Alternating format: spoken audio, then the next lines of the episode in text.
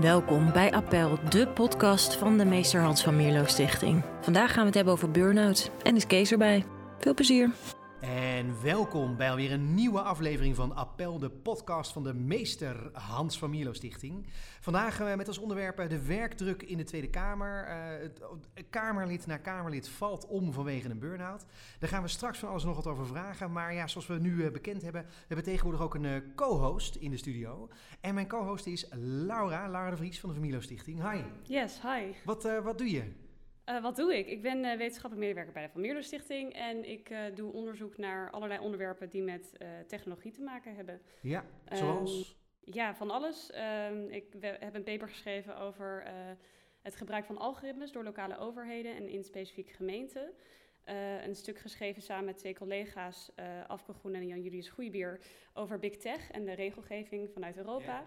En nu hou ik me bezig met uh, smart cities of ja, dataverzameling en verwerking uh, uit de publieke ruimte. Ja, ja, heel goed, heel goed. Hey, en het, het gaat dus over digitaal, het gaat over tech. En uh, dat maakt het voor vandaag heel ingewikkeld. Want wij hebben namelijk aan de andere kant van de tafel Kees Verhoeven. Welkom. Hi. Ja, heel goed. Leuk hier te zijn. Zeker. Weer terug? Ja, weer terug inderdaad. Hè. Gewoon eens bij het landelijk bureau, weer lekker op kantoor inderdaad. Um, ja, we, we, wilden eigenlijk vandaag met jou praten over uh, burn-outs onder Kamerleden, over werkdruk onder Kamerleden. Um, dat wordt natuurlijk nu wel extra lastig, want je had natuurlijk als Kamerlid eerder zelf ook uh, digitaal had je in je portfolio zitten. Ja. Ja. Ja, nee, zeker. Uh, daar heb ik me de afgelopen jaren ook soms, soms met Laura en heel veel andere mensen van D66 ook druk mee bezig gehouden. En dat was hartstikke leuk. Ja.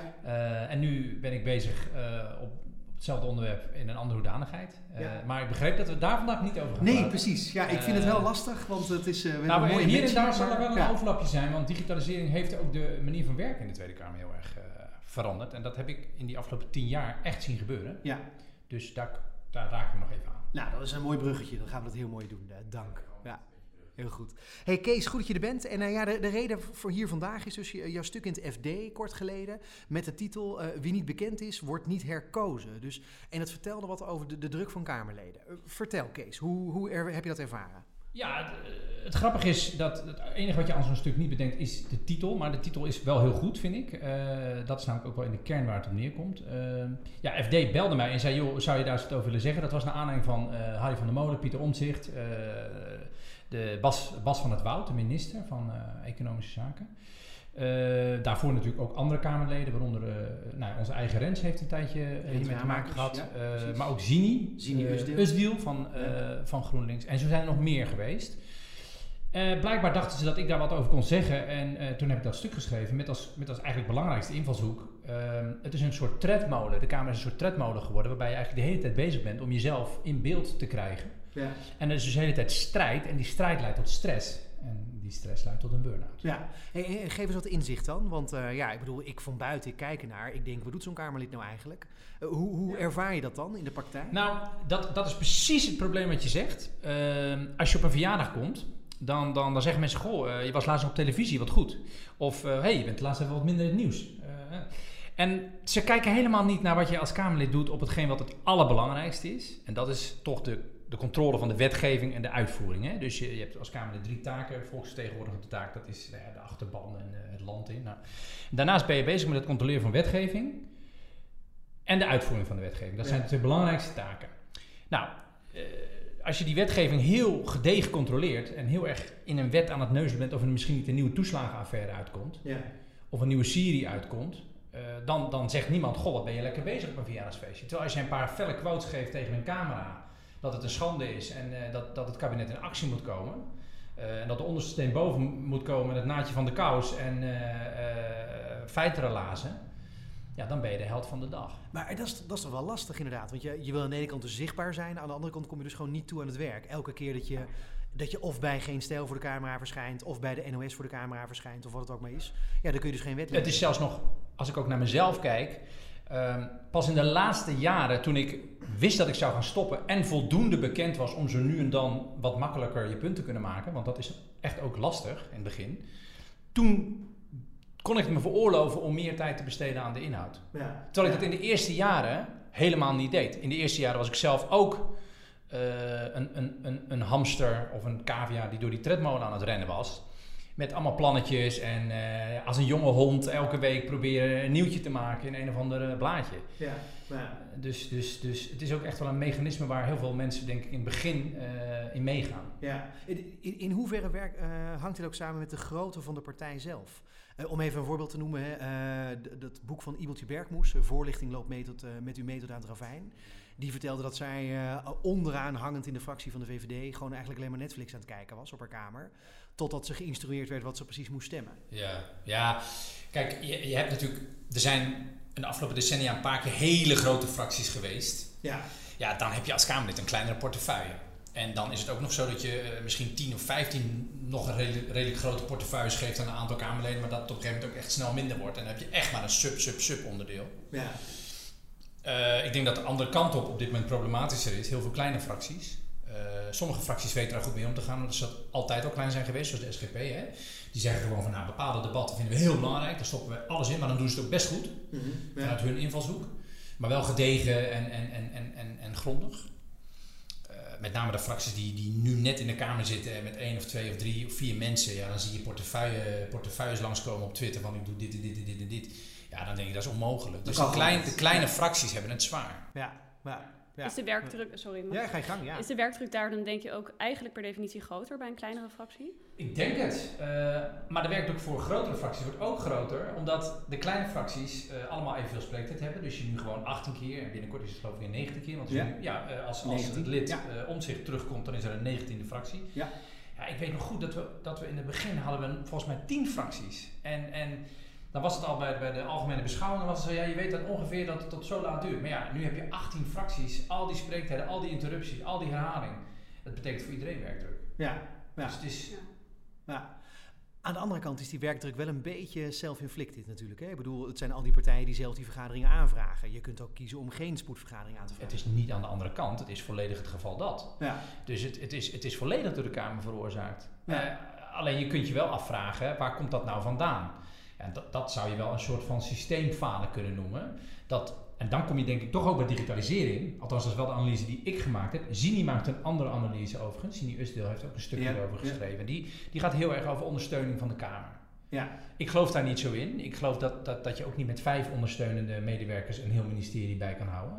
Eh, misschien iets beter, maar je kan ook betekenen. maar dat is een goede om het zo over te hebben. Maar jouw visie was. Mijn visie is Ja. dat, dat door, de, door de omloopsnelheid van nieuws, door social media, door voortdurende communicatie via appgroepjes en mailboxen er steeds meer op je bordje ligt, de hele Ja. tijd tussendoor. Waardoor je bijvoorbeeld, eh, stel dat je hier werkt op het wetenschappelijk bureau en je gewoon een stuk moet schrijven, ja, dan moet je niet elke keer gestoord worden, dan moet je gewoon Ja. een stuk kunnen schrijven. Ja, Nou, dat, dat kan niet meer. Iedereen die, iedereen die succesvol is, die, is, die staat vroeg op, gaat een aantal uur achter elkaar zeer geconcentreerd aan het werk en neemt in de rest van de dag neemt, neemt- hij rust. Zo werken bijna alle schrijvers, alle grote staatslieden, alle kunstenaars werken zo. Dat is, dat is gewoon wetenschappelijk onderzoek naar gedaan. Nou, in de Kamer werken we precies omgekeerd. We gaan tot laat door en we zijn de hele tijd onderbroken. ja, Nou, dat, dat kan niet goed zijn voor de concentratie. ja, dat is gewoon zonde. La- Laura, hoe zie jij dat?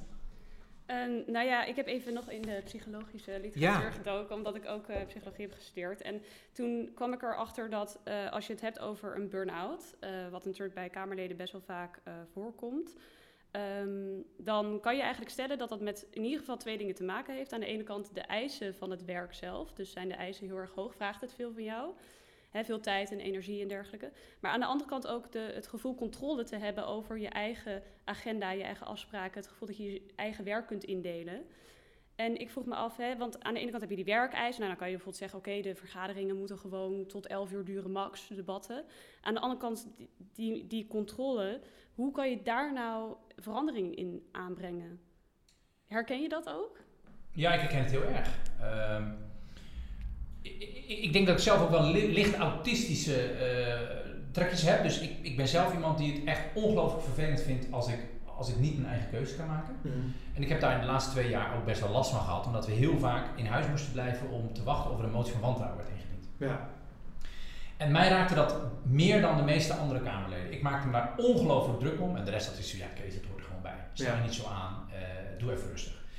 En ik dacht, ik wil gewoon naar huis, ik wil hier niet zijn, het gaat toch weer niet gebeuren, het is zo overbodig. Dus die controle over mijn werk was weg, voor een deel. Hoe ik dat compenseerde was door inderdaad wel gewoon keuzes te maken waardoor ik een paar uur per dag in ieder geval wel eh, controle over mijn werk had. En ik heb uiteindelijk ook geen burn-out gekregen. Eh, dus ja, ik herken heel erg wat, je, eh, wat jij schetst. Was dat op het randje? Heb je er wel langs gescheerd? Is dat, Mm, dat weet ik niet. Heb de afgelopen tien jaar ook wel een aantal keer eh, fases gehad dat niet alleen het werk, maar bijvoorbeeld ook je privéleven op zijn kop staat. ja. Eh, ik ben in 2017 ben ik gescheiden. Nou, dat is een factor erbij. Dus dan, dan heb je en je werk en ook nog eh, privé wat op zijn kop staat. Ja, dan denk ik dat het wel even in het rood loopt. ja. Maar het werk alleen heb ik altijd nog wel redelijk goed aangekund. Maar ja, ik denk bijvoorbeeld als ik kijk naar de lichting 2017, onze Kamerlichting 2017 kwam binnen in een coalitie. Ik kwam binnen in 2010 en D66 was de oppositiepartij tegen Wilders. En Alexander Pechtel die zei tegen me, joh, ga jij maar lekker buiten spelen. Ik zie wel wat je ervan maakt. Ja. Dus het verschilt ook heel erg per situatie, per geval, per Ja. partij.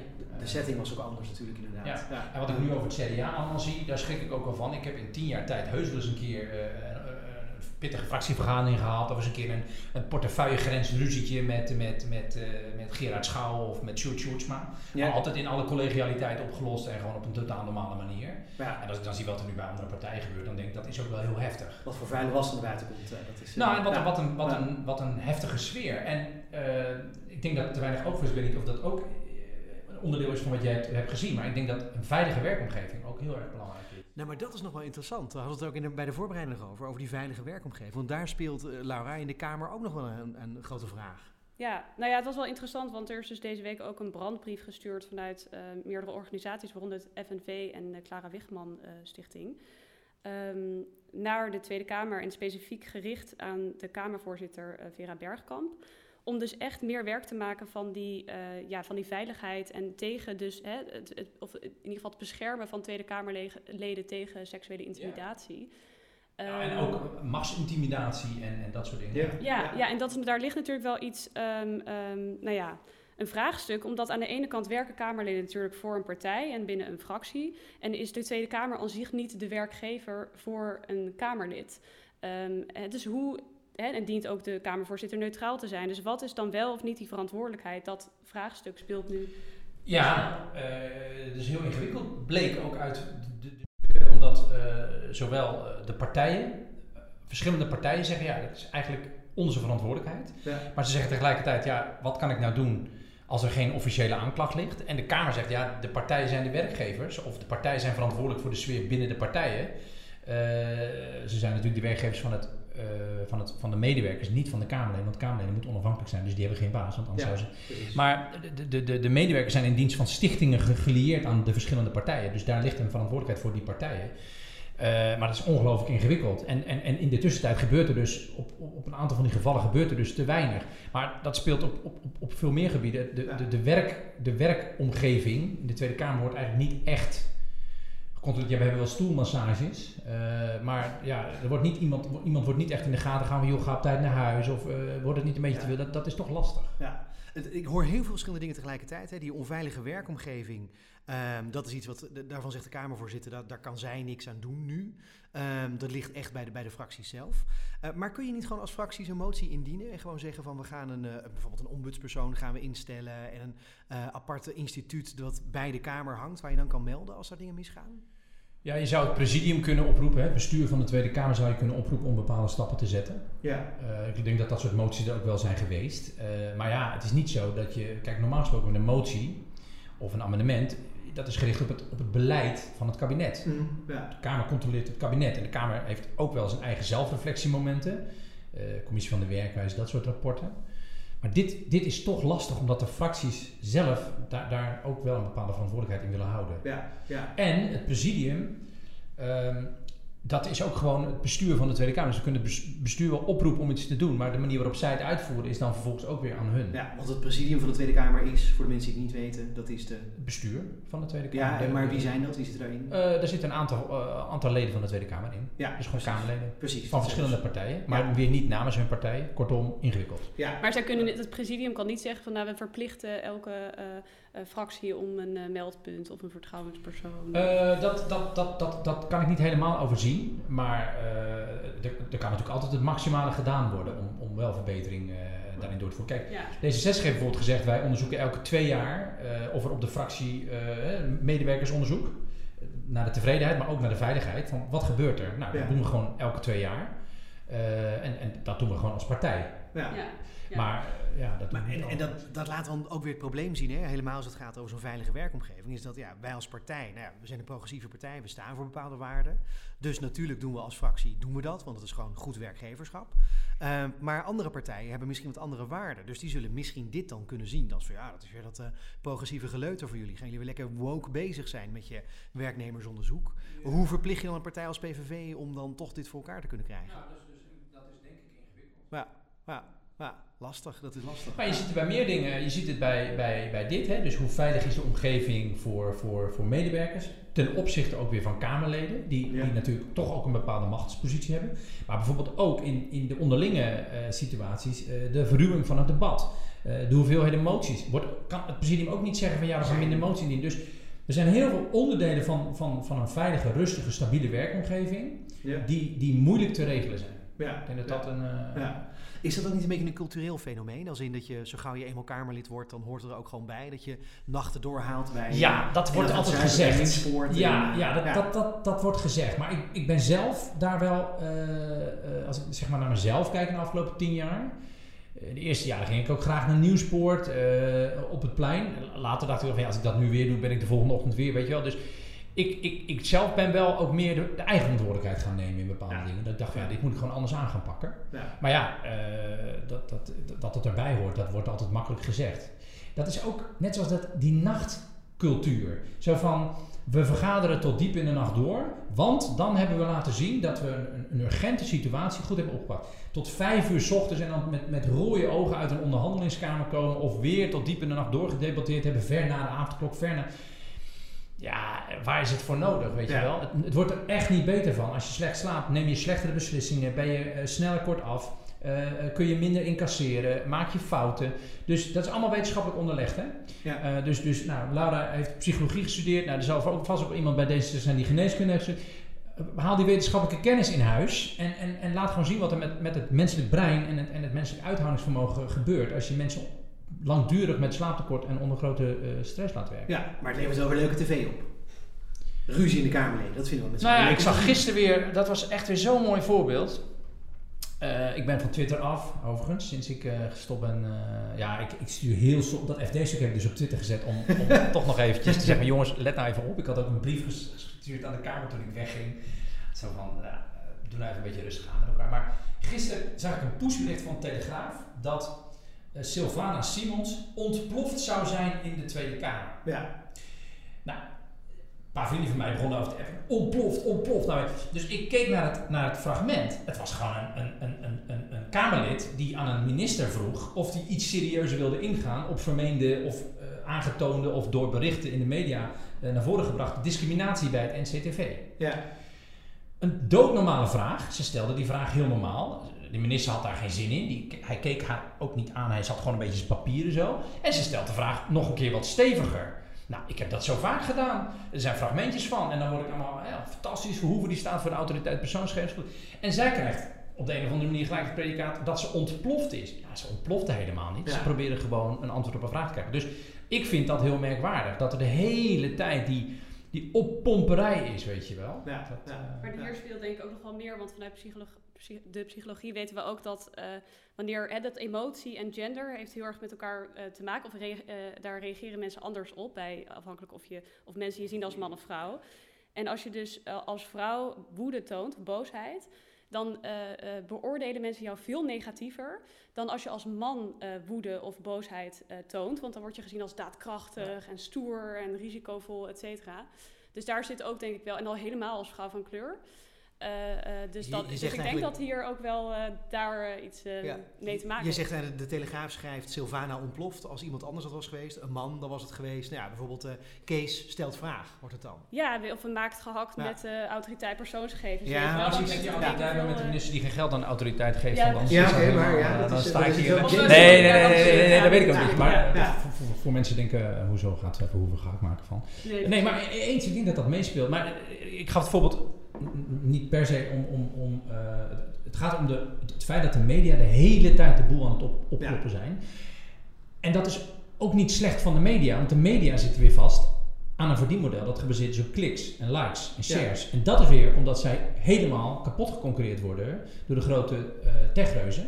Ik doe toch even een beetje digitalisering. Ja, nee, precies. Dat hele advertentiemodel dus, uh, uh, domineren. Dus er is een soort keten ontstaan waarin, waarin gewone nationale nieuwsorganisaties alles uit de kast moeten halen om maar kijkers uh, te ja. Dus nou, dan zie je ook bij op één ineens weer allemaal mensen zitten je denkt, wat, wat, wat, wat, wat komt die nou vertellen, weet je wel? Die gaat, dan, dan zetten we uh, Willem Engel of een, een groep uh, mensen die denkt de, dat, dat vaccineren slecht is, die zetten we dan tegenover wetenschappers. En dan, ja, dan hebben we een lekkere spannend debat. Ja. ja dat is misschien een spannend debat, maar het is geen goed debat. Dat het issue voor false balance is dat inderdaad, hè? Dat is, ja. Ja, ja, ja. Dus ja, en dan kan je daar weer over discussiëren. Dus ik, ik heb daar verder ook niks over te zeggen. Maar ik zie wel dat er de hele tijd die, die tendens is om... Dat, dat kijk mij eens, weet je wel. Ja, ja, ik hoor eigenlijk drie hele grote problemen. We hebben het net een beetje gehad over onveiligheid. We hebben het ook gehad over digitalisering. Uh, en media dus, hè, zichtbaarheid ja, de media. Voortdurende stoorzenders inderdaad. Ja, precies. Nou, dat, dat maakt dus dat het gewoon eigenlijk niet prettig is om Kamerlid te zijn. Kan ik je zo samenvatten? Is dat... Nou, dat is niet waar. Je moet jezelf er alleen heel bewust van zijn. Je moet je er tegen wapenen en je moet uh, keuzes durven maken. En uiteindelijk komt het erop neer dat je zodanig onafhankelijk moet durven zijn dat je ook als je niet door je partij weer hoog op de lijst gezet wordt, omdat je minder in het nieuws geweest bent, dat je daar ook vrede mee hebt. En dat je zegt van ik, heb, ik kies voor een invulling die ik goed vind. Ja, dat vergt heel veel lef. Uh, en heel veel kracht. En het jammer is dat je die kracht pas krijgt als je wat langer in de kamer zit. Dus Want dan heb je profiel. Ja. Dan heb je voldoende profiel. Kijk, uh, je moet eerst je invechten en dan vervolgens kun je daarop een beetje uh, wat rustiger gaan doorwerken met de inhoud. Ja. Althans, dat is hoe het bij mij verlopen is.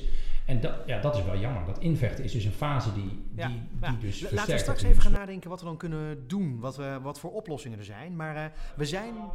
Ja, gadver, ja, een stom bruggetje. Dat is ook zo, ja. maar toch ga ik het aan je vragen. Wat zijn de oplossingen? Uh, vooral omdat ik als politicoloog ook een hele leuke ben tegengekomen via Simon Otjes. Maar daar gaan we het zo over hebben. Uh, we zijn ook de straat op gegaan. Dus ons item Vox Populi, Vox Dei. Mankind is at liberty to choose what form of government they like best. Ja, mijn mening is dat uh, zeker Kamerleden, maar ook politici, hun eigen tijd kunnen indelen. En daar moeten ze zelf baas over zijn. Dus als ze eindigen in een burn-out, dan per saldo is dat hun eigen schuld. er is natuurlijk wel een enorme werkload, maar zij kunnen dat zelf sturen.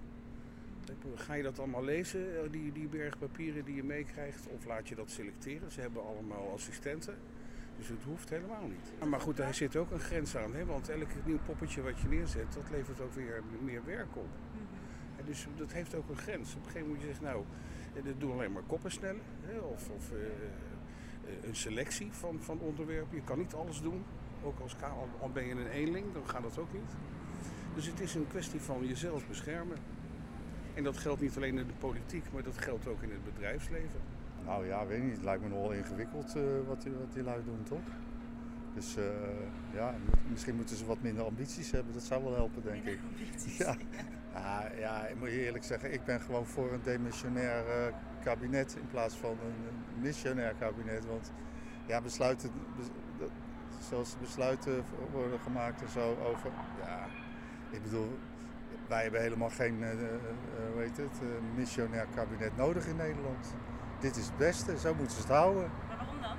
Nou, omdat er weinig wordt worden weinig besluiten genomen. Dat ze hoeven geen wetten meer te maken. Ze moeten ze ook meer ophouden. Al die wet, over een wetje hiervoor, een wetje daarvoor, een wetje voor dit. En, en, en dat moet dan allemaal opgeschreven worden. En dat moet allemaal weer gecontroleerd worden. Er moeten allerlei ambtenaren die zitten daar. Ja, ik denk dat er heel veel ambtenaren ook gewoon zitten te gapen de hele dag. En, ze krijgen, er, gaat heel, en er gaat natuurlijk heel veel geld naar al die uh, overheidsinstanties. Het moet allemaal verdiend worden door de gewone mensen die hard moeten werken. En dat zijn uh, zeg maar arbeiders, maar, maar dat zijn ook uh, mensen, mensen die in de productie zitten. Maar het zijn ook ondernemers, middenstanders. Die, moet, die werken zich allemaal de tering. En als jij een burn-out krijgt, als je middenstander bent, nou, dan moet je bij het, weet het IV, IV of zo, UWV terechtkomen. Nou, dan kom je ook in een verschrikkelijke toestand terecht met allemaal bedrijfsartsen die ook niet altijd even prettig zijn. Nee. Dus uh, ja, ik, uh, ik weet niet. Ik denk dat ze het wel verdienen. Ja, ik vind het een beetje moeilijk. Want zeg maar, ik denk inderdaad dat er heel veel ehm, niet bij het, eh, ja, het volk terechtkomt qua informatie. Dus het is zo dat je hoort dan wel van oké, je hebt een burn-out en er komt wel eens wat naar buiten, zeg maar. Maar ik denk dat er super veel achter de schermen gebeurt. Inhoud bij inhoud dan ook die onzicht. Waar wij niet van af weten. En daardoor is het denk ik voor het volk gewoon. eh, worden die een beetje gedistanceerd van de politiek. Doordat er zo weinig eigenlijk naar buiten komt. Natuurlijk heeft denk ik relatief Nederland het wel oké. als het aankomt op regering en politiek en zo. Want als je kijkt naar Rusland. is niet eens je je mond open kan doen of je wordt al opgesloten. Eh, maar het zou wel fijn zijn als, we, als het nog meer transparant kan worden, zodat het volk gewoon veel beter zijn, zijn mening kan uiten en dat mensen weten wat er gebeurt, zeg maar. Ja, we horen toch ook twee reacties eh, in het begin die zeggen, ja, als Kamerlid kun je het gewoon zelf indelen. En eh, de middelste persoon die zei zelfs, eh, nou ja, eh, moet je eens proberen als ondernemer om een keer met een burn-out ergens aan te kloppen. Dus als Kamerlid, eh, je hebt het zelf gedaan. Kees. Ja, kijk, in het leven ben je natuurlijk uiteindelijk altijd verantwoordelijk voor je eigen daden en gedrag. Eh, maar ja, er is ook een omgeving waarin we functioneren en die heeft invloed op onze keuzes. Ja. Ja, dat is een wisselwerking. eh, nature-nurture, om het zo maar te zeggen. Eh, dus ja, dat is een heel ingewikkeld eh, vraagstuk. Ik vind de eigen verantwoordelijkheid van mensen belangrijk. Maar als ik dan kijk naar mijn eigen blik op onze eigen partij, dan vind ik dat ook wij wel eens doorslaan in dat hele eigen verantwoordelijkheid, liberalisme denken. En dat we vergeten dat er ook grote invloeden zijn. Ja. Die bijvoorbeeld via psychologische beïnvloeding, big tech, reclame-industrie, maar ook andere dingen, ook dus het werkgeverschap, wel echt wel leiden tot, tot, tot problemen bij mensen. En dan moet je ze dus wel weer tegen beschermen. Ja, precies. Dat is wat je net dus ook zei over... Dus ik ga niet mee in het volledige eh, eigen verantwoordelijkheidsverhaal. Dat is een hele makkelijke analyse die volgens mij de afgelopen twintig jaar ook wel een wat minder positief daglicht is. Wa- Want dat gaf je zelf dus eigenlijk net ook aan. Hè? Mede vanwege die digitalisering, maar ook de concurrentie die de media heeft. Kan een Kamerlid eigenlijk niet anders dan continu ook werken aan die zichtbaarheid. Continu reageren op Twitter. Je, je zou het boek van, eh, over de toeslagenaffaire eens moeten lezen van eh, Jesse Frederik. Jesse Ja. Frederik. Ja.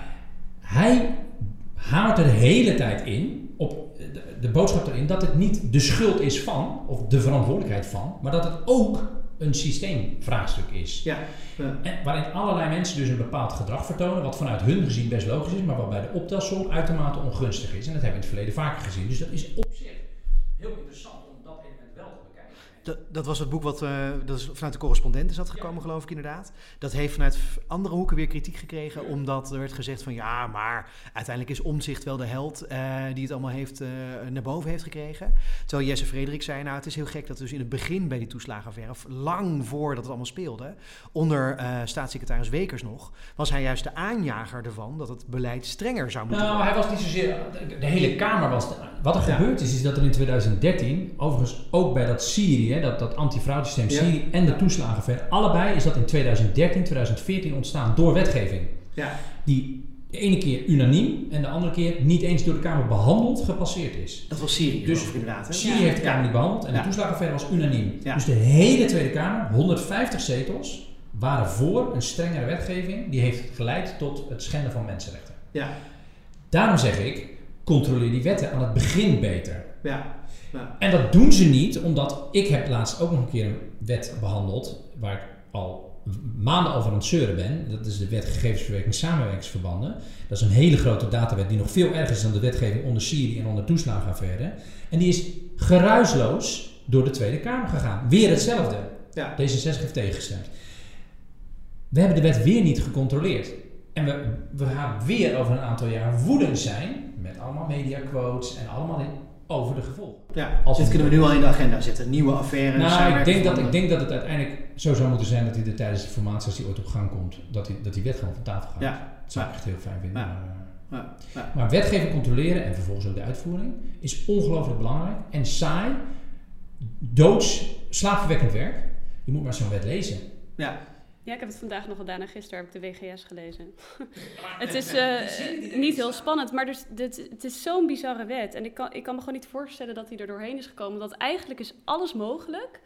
Ehm, eh, want alles wordt in uitzonderingen.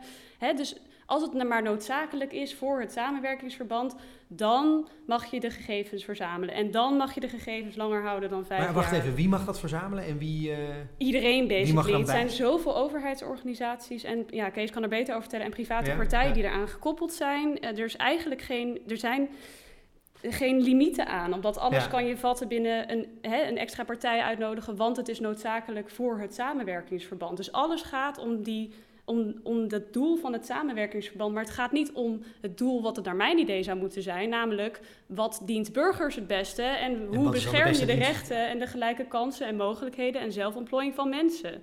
En ik zie dat niet terug in die wet. Eh, het, is, het is vreselijk. Kijk, er is.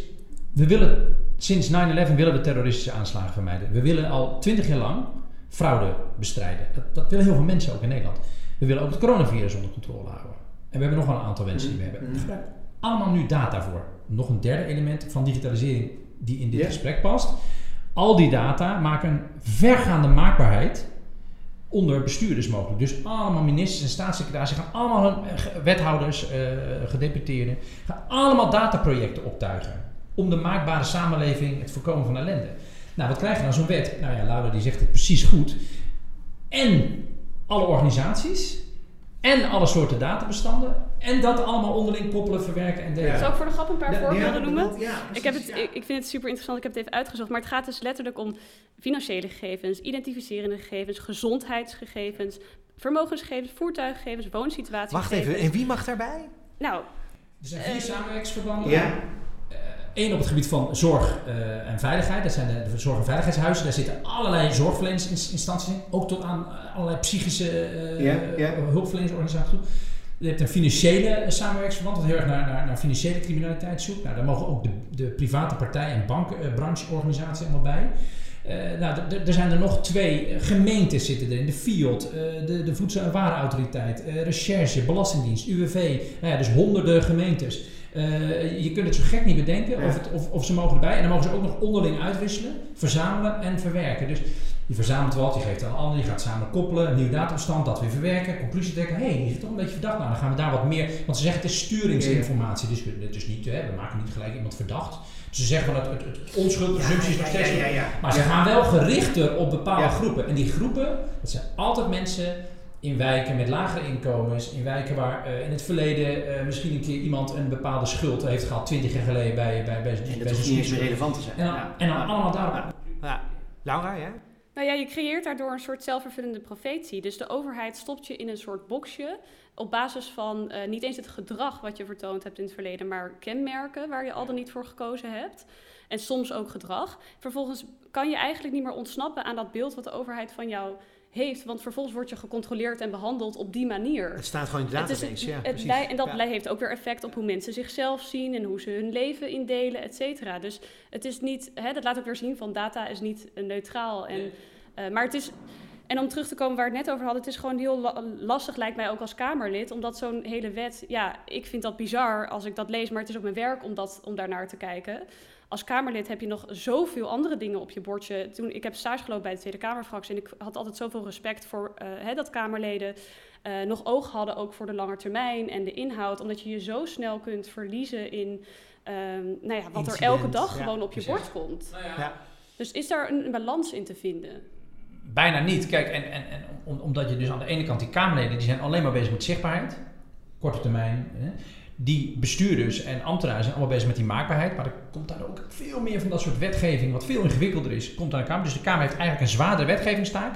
Maar die wetgevingstaak die verzwaard is, levert veel minder zichtbaarheid op. Ja. Dus het is voor Kamerleden een, een dubbele negatieve Ja. som. Ja. eh, die dus slecht uitpakt. Dus Kamerleden gaan steeds minder die steeds vergaandere wetten Ja. controleren. Ik ga dan toch de vraag stellen, wat kunnen we doen? Nou, allemaal van Twitter af. Dat is deel 1. Alle Kamerleden van Twitter af. Ja. Nee, maar je, ik denk dat je wel moet kijken naar, eh, naar, naar, naar de, de, de, de, de, de, de, factoren die ten grondslag liggen aan het feit dat Kamerleden het gevoel hebben dat ze nergens meer tijd voor hebben. Ja. ja. Eh, dus voor een deel eigen verantwoordelijkheid, maar voor een deel dus ook dingen die wel via dat presidium, via die vergaderorde. Ik zou bijvoorbeeld zeggen, ga tot 11 uur vergaderen en stop daarna. Dat, Ja. Dan kan iedereen in ieder geval gewoon naar huis. Ja. En ik, ik kan je vertellen, ik woon in Amersfoort. Eh, ik heb drie kinderen tussen de 7 en de 12. Mhm. Ik, ik, ik vind het echt heel vervelend als ik in een hotel moest blijven slapen. Ja. Ik heb, Ja. ik heb dat echt altijd verschrikkelijk. Ik reed altijd met Gertjan Segers, maakten we altijd een eh, carpool afspraak. Die woont ook in Amersfoort. Ja. En we hebben wel eens dat we echt bijna, dat ik bijna een keer in een soort schok wakker schro- schrok. En dat we om vijf uur s'nachts, eh, dat, dat, we, dat we naar huis reden. Dood op in de auto, weet je. Ja. Maar dan was je in ieder geval thuis. Ja. ja. Dus ik denk dat de vergadertijden van belang is. Ik denk dat het van belang is dat Kamerleden zelf ook echt proberen die stoorzenders eh, uit te schakelen. Eh, maar ja, ik, ik, denk uiteindelijk dat je ook gezamenlijk die cultuur zou moeten veranderen. En dat al die moties en al die spoeddebatten, ja. ja daar moeten de, de fracties samen afspraken Kun je een soort budget maken? Elke fractie mag maar zeg 50 moties indienen per vier jaar? Dat is heel ingewikkeld. Want ja, dan, neem je toch het, het, dan ga je de oppositie misschien ook meer raken. En dat ja, nou, nou, nou, zijn er twee andere voorstellen. Eén uh, ding wat recentelijk is gebeurd zijn de jettengelden. Laura, wat was dat ook weer, de jettengelden? Voor zover ik weet, meer geld voor medewerkers. Ja. Maar ja, als je het uitgeeft aan, uh, aan communicatiemedewerkers in plaats van beleidsmedewerkers, dan is dat, hè, kan dat ook een keuze zijn. En, uh, maar dat, dan kun je wel afvragen van, komt het dan Hè, ga je dan meer die wetten lezen als de WGS, als je dat geld uh, aan communicatiemedewerkers uitgeeft? Kun je dat niet eermarken als Tweede Kamer? Dat je gewoon zegt, dit geld moet sowieso gaan naar beleidsmedewerkers en niet naar nieuwe voorlichters? Ja, ook beleidsmedewerkers kunnen bij wijze van spreken heel veel moties gaan tikken. Ja, ja dat is ook wel ja, okay. ja. Dus, ja. En je, je kan zeggen, het parlement moet groter, dat wordt ook gezegd. Ja. Ben ik ook niet voor.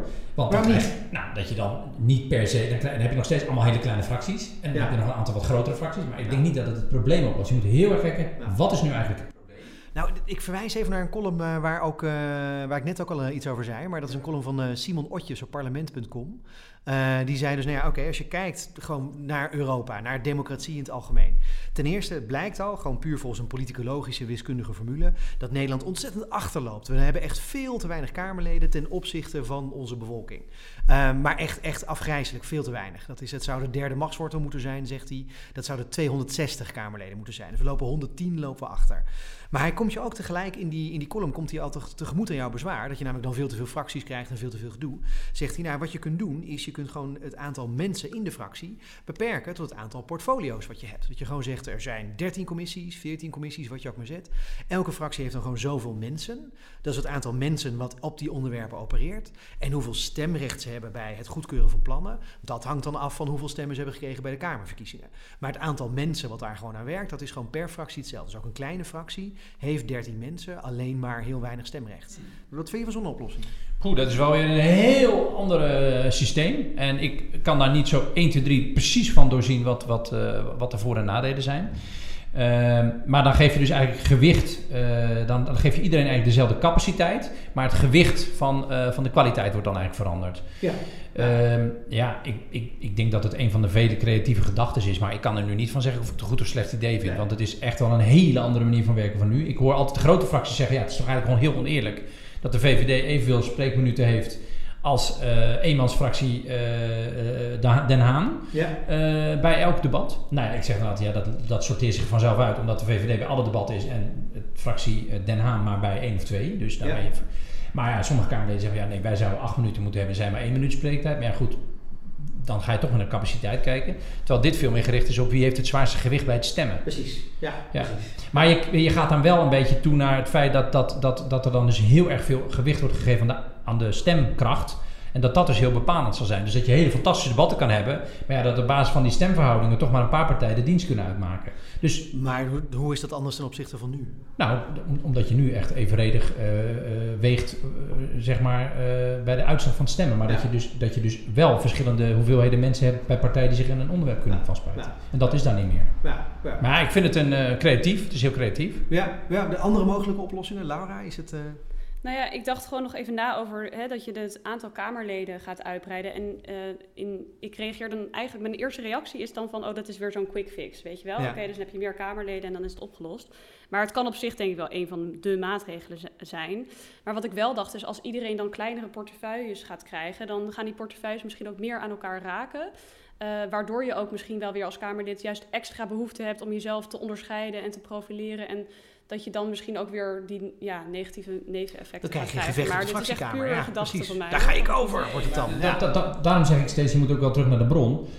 Uiteindelijk is het zo dat mensen uh, heel graag uh, ja, in beeld willen zijn. Dat ja. ze heel graag succesvol willen zijn. Dat ze graag belangrijk willen zijn. En dat belang wordt nu afgemeten aan zichtbaarheid. Ja. Dus zichtbaar is belangrijk.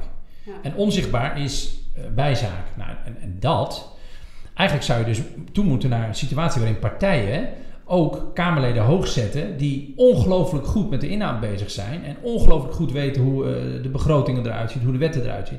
En die, die dus niet in het nieuws zijn, maar die dus ja, in de wetgeving zitten. Ja, nu zijn er eh, in campagnetijd altijd heel veel idealistische politicologen.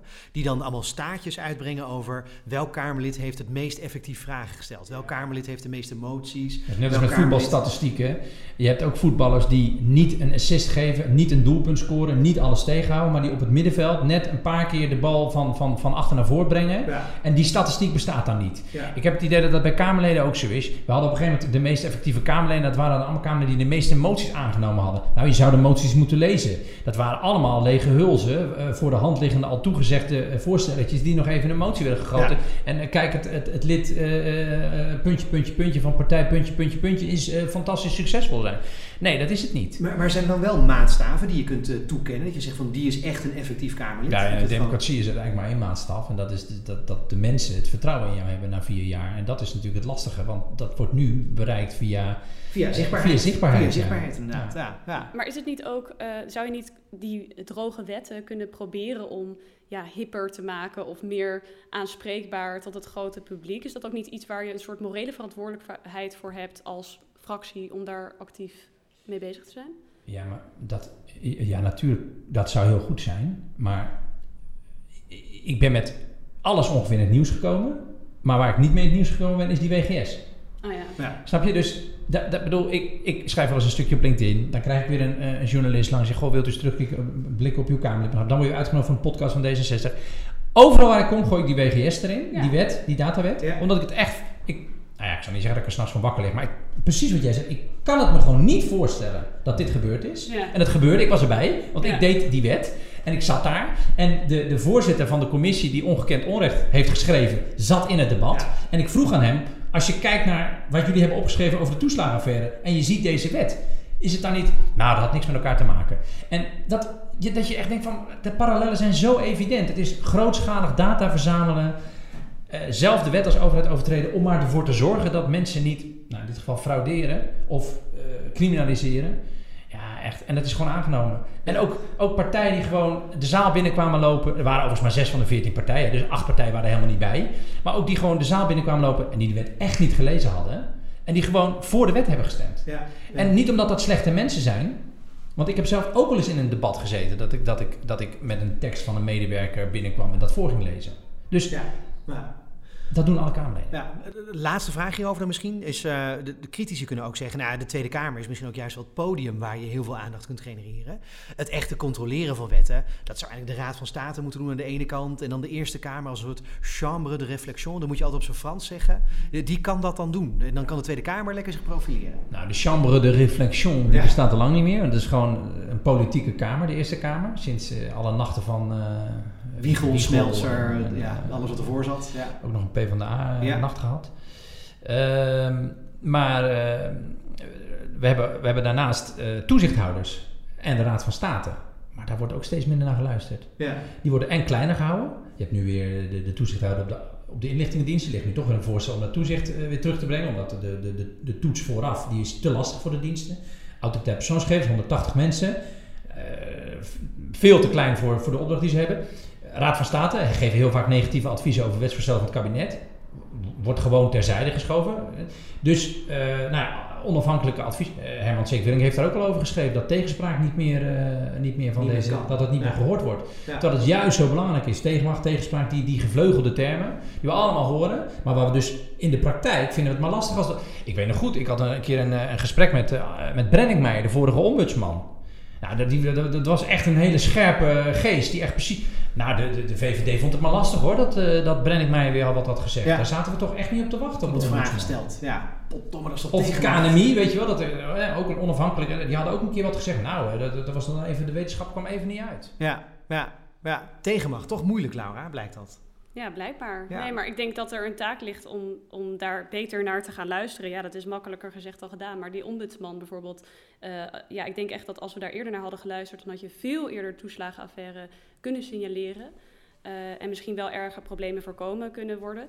En dat zegt wel wat. Dus dat betekent dat, daar, dat je daar iets mee moet doen als Kamer en als, als verschillende fracties. Ja. ja. Nou ja, maar de, de, de, de, de, de harde fraudewet, die onder de toeslagenaffaire ligt, daar was de Raad van State heel kritisch over. Ja.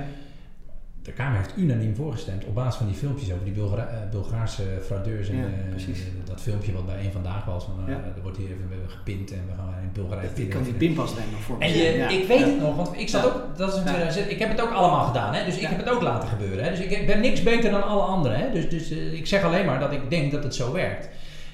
En ik ben dan toevallig iemand die het tien jaar heeft volgehouden en geen burn-out heeft gehad. En, en aan het eind in ieder geval geprobeerd heeft om het wel eh, op de inhoud te doen. Maar ik heb het lang niet allemaal goed. Dus ik heb ook die 2013 heb ik ook ongezien die Syrië-wet. En heb ik Ja. ook unaniem gesteund eh, die, die, die harde fraudewet. Ja. En, en met mij al die andere Kamerleden die er toen zijn. Maar dan kun je ook afvragen waarom is Syrië een hamerstuk? Dus hè, dat het eh, gewoon als... eh, Ja, En nou omdat- beslist de Kamer zelf. Omdat, omdat de, De Kamer Kamer er niet wat- over wilde debatteren. Precies. Blijkbaar waren er al heel veel spoeddebatten en hadden we zoiets van, nou, dit is een beetje saai. En Ja. eh, ik denk dat het, het, het inzicht van de enorme hoeveelheid data die grondrechten kon gaan eh, raken, dat dat nog niet goed op het netvlies stond. Het en was blijkbaar ook, nu nog steeds niet. Nee, maar nog steeds niet, maar nu werd het in ieder geval behandeld, maar het was Ja. geen, hè, het was geen hamster. Het was ook sociale zaken die, denk ik, eh, de wet eh, via de mails kreeg. Overigens ook geen excuus, want als Kamerlid ben je verantwoordelijk voor alles. Ik, ik, ik kreeg die wet misschien niet eens in mijn mailbox, maar ik had hem ook gewoon eh, moeten, Ja. moeten willen zien. We moeten hem afsluiten. Ehm, laatste vraag aan jou, Kees. Eh, ja, we houden het kort tegenwoordig, dus eh, ja. laatste vraag aan jou, Kees. Het is nu 2021. Eh, kijk eens terug ehm, naar jouw eerste Kamerdag. Ehm, en probeer jezelf eens vanuit het nu advies te geven. Dus Kees uit de 2021 naar Kees uit 2010. Wat zou je tegen de 2010-versie van jezelf als tip willen meegeven? langzamer aan. Rustig aan. Ehm, ik denk dat snelheid het grootste probleem is. Alles is sneller. Snel reageren. Wie als eerste vraagt, wie als eerste dit, wie als eerste. Snelheid, snel reageren, eh, dat, is, dat is nu de, de leidende manier. Dat komt ook door de digitalisering. Die, die voortdurende omloop naar op Twitter. Wie heeft als eerste de reactie? De journalist belt. Wie, wat vind je van die wet? Is een uur, is een uur uit. Niemand. Snel, snel, snel. Ook het, het brein van de mens bestaat uit het snel en uit het langzaam systeem. En het snel systeem maakt meer fouten dan het langzaam systeem. Dus neem de tijd voor dingen. Ja, Kalm aan. kalm aan. Dat, eh, Ja. dat is het. Helder. Dankjewel, Kees Verhoeven. Dankjewel. Maar die Kees Verhoeven van eh, 2010 die was echt eh, alleen maar bezig met snelheid. Hoor. Ja, ja ongelooflijk. Ja. Ja. gek om op terug te kijken, inderdaad. Ja. Ja, maar ook wel, ook wel heel leuk. Ja, heel mooi. Hey, we gaan het volgende onderdeel, want eh, dat doen we tegenwoordig ook. Dat is de sociaal-liberaal van het moment. Eh, ik kijk naar Laura en eh, ik vraag aan jou, wie, oh wie, is de sociaal-liberaal van het moment? Nou, dat is Mpanzu Bamenga. Hij was deze week ook in het nieuws. Hij is actief D66er en is ook raadslid geweest in Eindhoven. En hij is een rechtszaak gestart. hij, hij, heeft een rechtszaak, hij is een rechtszaak gestart tegen de Koninklijke Mara- Marechaussee. Ehm, hij werd namelijk gecontroleerd op het vlieg- vliegveld van Eindhoven door de Marechaussee, omdat ze dachten dat hij een Nigeriaanse mensensmokkelaar was. Eh, en op dat moment konden ze eigenlijk niet echt uitleggen waarom hij nou staande werd gehouden. En later achterhaalde hij dat eh, zijn zogenaamde niet-Nederlandse uiterlijk zou hebben meegewogen tot deze staande houding. Ehm, ja, en ik ben er gewoon van overtuigd dat als wij als eh, sociaal-liberalen, als we een inclusieve democratische rechtsstaat willen zijn en dat we gelijke kansen willen bieden, dan hè, het koppelen van een donkere huidskleur aan niet-Nederlands past daar dan niet bij. Ik vind het persoonlijk onwenselijk dat een overheid eh, op deze manier het, het, het zijn van Nederlander koppelt aan uiterlijke kenmerken überhaupt. Ehm, Wat en- begreep uit het persbericht ook dat de marechaussee dus heeft gezegd, gedacht, die man ziet er niet Nederlands uit. ja, Dat precies. is toch raar ja. dat je Nou ja, een dat- beeld hebt. Wat is dan de Nederlander en wie bepaalt dat dan? Ja, blond blijkbaar dus. En blank en blauwe ogen blijkbaar. Ja, maar dat is toch ja. niet oké als een overheid Nee, dat... ja. Ja, weet je, dus... Daarom, ja, precies, daarom. Ja, precies, daarom. Ja. En eh, nou ja, dat is dus de, eh, waarom ik vind het gewoon super tof dat hij en belangrijk dat hij dit eh, doet, eh, dat hij hiermee bezig is. Vereist ook heel veel moed en daadkracht, denk ik. En tegelijkertijd ehm, hoop ik dat het ook een beetje de discussie op gang brengt over het gebruik van die risicoprofielen. En dat we ook realiseren dat dus het gebruik van die historische data en eh, eh, nou ja, allerlei gegevens die dan worden gebruikt om die profielen te maken, dat dat ook niet neutraal is. En dat de uitkomsten van die risicomodellen ook een heel groot effect kunnen hebben op mensen en ongelijkheid eh, kunnen vergroten die er al is.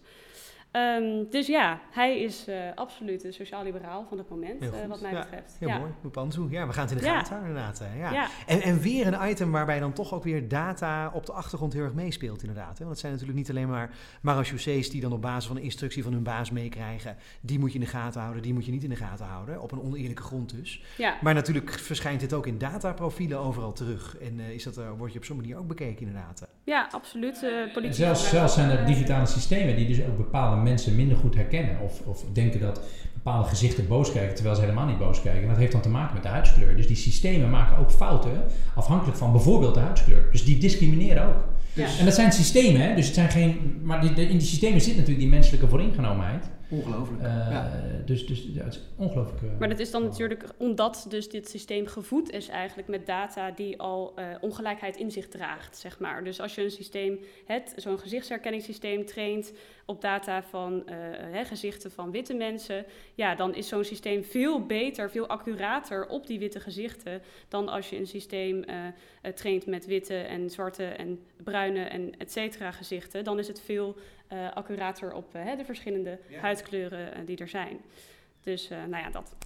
Ik ben verontrust, jongens. We moeten hem afsluiten. Maar ik ben erg Ja. verontrust. Ik maak me zorgen over de staat en toekomst van de democratie in de 21ste als we dit eeuw. prioritiseren, dan kunnen we er alles. Er zijn heel veel slimme mensen in Nederland die hier heel veel mooie dingen mee doen. Dus eh, Gelukkig. Gelukkig zaten daarvan twee vandaag hier aan tafel. Dankjewel, Lara de Vries. En dankjewel, Kees Verhoeven.